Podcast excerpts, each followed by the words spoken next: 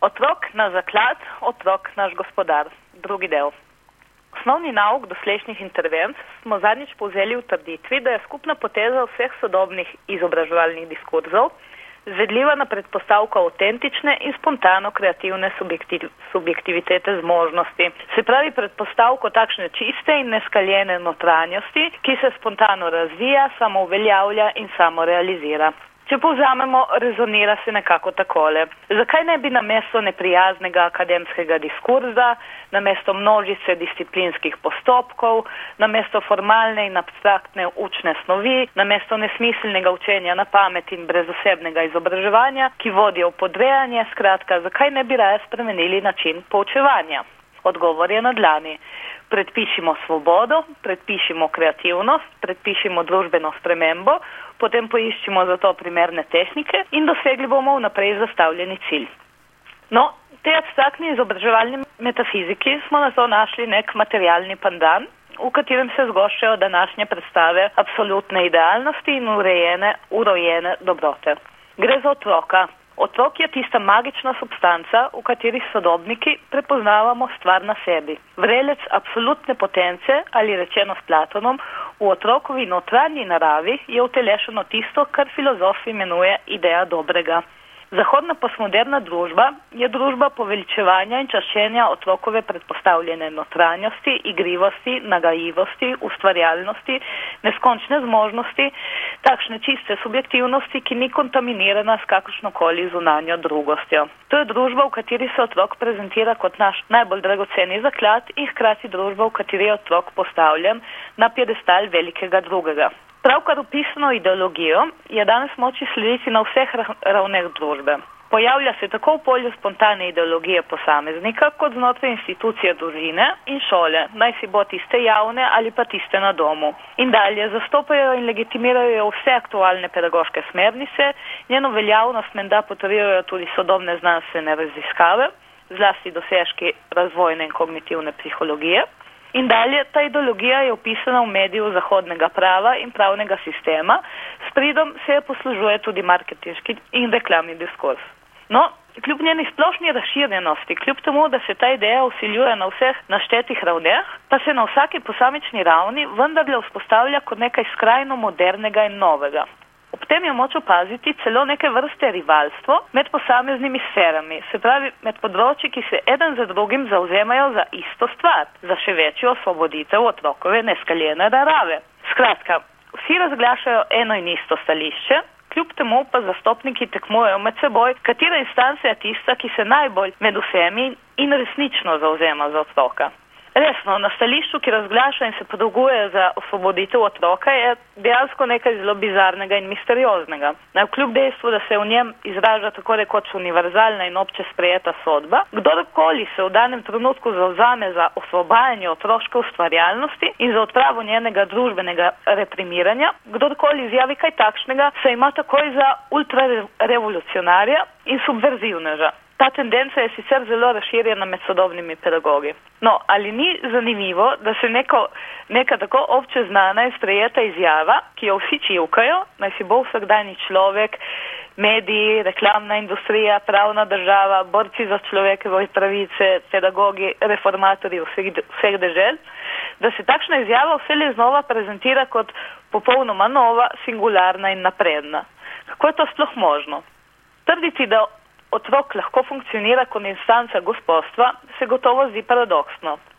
Družbeno gospodstvo se po definiciji utemeljuje v točki neke transcendentne instance, ki nima dejanskega empiričnega pokritja, ki ima lahko kvečemu le svojega empiričnega zastopnika naprimer kralja, vladarja, duhovnika. Označevalec gospodstva, kakršnega smo poznali doslej, je namreč simbolna instanca, je instanca, ki se materializira v črki zakona in legitimira v obliki tautoloških stavkov, tipa zakon je zakon, bog je bog, kralj je kralj, Tito je Tito. Gospodar torej po definiciji ne more biti otrok. Empirična substanca otroka, ki je svoj, v svoji neposredni konkretnosti de facto nemočna in nebogljena nesamostojna in pomoči potrebna. Ob tem spomnimo na Lekanovo zelo posrečeno opasko za stran načina delovanja gospodstva. Gospodar ne učinkuje tako, da ljudi kakorkoli prepričuje, kajti spraviti ljudi na k delu je še teže, kot da bi delo opravili sami. Ne, gospodar ne prepričuje, pač pa ljudi aktivira kako. Tako da pride in da zna, gospodar zažvižga in vsi stečejo. Kako naj bo potem takem otrok naš gospodar? Zveni nemogoče, to da če se le nekoliko ozremo okrog sebe, opazimo, da med otrokom in tradicionalnim gospodarjem obstajajo presenetljive podobnosti. Otrok dejansko funkcionira zelo podobno kot klasični gospodar. Tudi on brez prepričevanja. Otrok da znak in hop, vsi stečejo. Oglejmo si nekaj primerov. Danes otrok zajoče, hočemo reči, otrok zažvižga in hop, vsi stečejo. Menda ga je treba nemudoma potolažiti. Mati se v hipu znajde na kolenih. Poglejmo dalje. Današnjemu otroku se zahoče kakšna nova igrača, frača, pijača, kolač in hop, vsi stečejo. Tata gre v nabavo, zahteva ne igrače ali pa mu jo dostavi še preden je otrok sploh sam zahteva. In dalje, današnji otrok pride v šolo nejevoljen. Protestira za stran svojih pravic in učiteljici, na primer, zagrozi s pravno tožbo. Kaj sledi? Hipotetično. Seveda vsi stečejo, starši že kličejo odvetnika. Na zadnje, primer spada v empirično stvarnost, ki smo ji lahko prisustovali v prejšnjih tednih. In zakaj gre? Psiholog Zoran Milivojevič obdrži javno predavanje na temo kaznovanja otrok. Predavanje, na katerem zagovarja legitimnost vzgojnega kaznovanja, tudi tistega, ki vključuje znano in pregovorno šeškanje. In kaj sledi? Seveda vsi stečejo. Vsi tekmujejo, kdo bo tega norega predavatelja prvi in najbolj decidirano obsodil. Vlasta Nusdorfer pričakovano zmaga. Pa ne za, ne za voljo njene sportne kondicije, varuhinja človekovih pravic in posledično tudi otrokovih ima v žepu funkcionarske adute. Televizijske oddaje ob tem kar nekaj medijskega prostora posvetijo moralki o nesprejemljivosti izvajanja kakršnega koli nasilja nad otrokom, otrokom, naj si bo fizične fizičnega ali pa psihičnega. Na spletnih forumih Milivojevič ob tem označijo za srpskega barbara, ki v Slovenijo prinaša nasilje balkanskih metod. Natančneje gre za forum starševski čvek, ki se sicer ponaša s komentarji zgledne in demokratične politične korektnosti. Navedeni primeri zadostno pričajo o tem, da je otrok iz takšne snovi kot gospodar in da ima na naše vsakdanje predstave in prakso enake učinke kot tradicionalni gospodari in to v zelo konkretno materialnem smislu. A tu se zgodi nek nenadejeni paradoks. Na kljub vsemu poveličevanju otroške narave in vsestranskim pozivom k prebujanju otroka v nas, v nas odraslih, otrok sleko prej preneha funkcionirati kot gospodar. Razumljivo boste rekli, ko odraste, pač preneha biti otrok. Toda zakaj? Zakaj preneha biti otrok? Kako da iznenada odraste. Ali res odraste? Ali smo mu dali kakršnakoli sredstva za odraslost? Se je bil vendar vzgajen vse čas za to, da ne bi nikoli odrasel, da bi ostal takšen, kot je, otroški, nagejiv, ustvarjalen, samopašen, poln neukrotljivih želja in potencijalov. Zakaj se potem danes pričakuje, da otrok sploh kdaj odraste? Gre za kontradikcijo in adjekto. To, da to se danes vendarle pričakuje.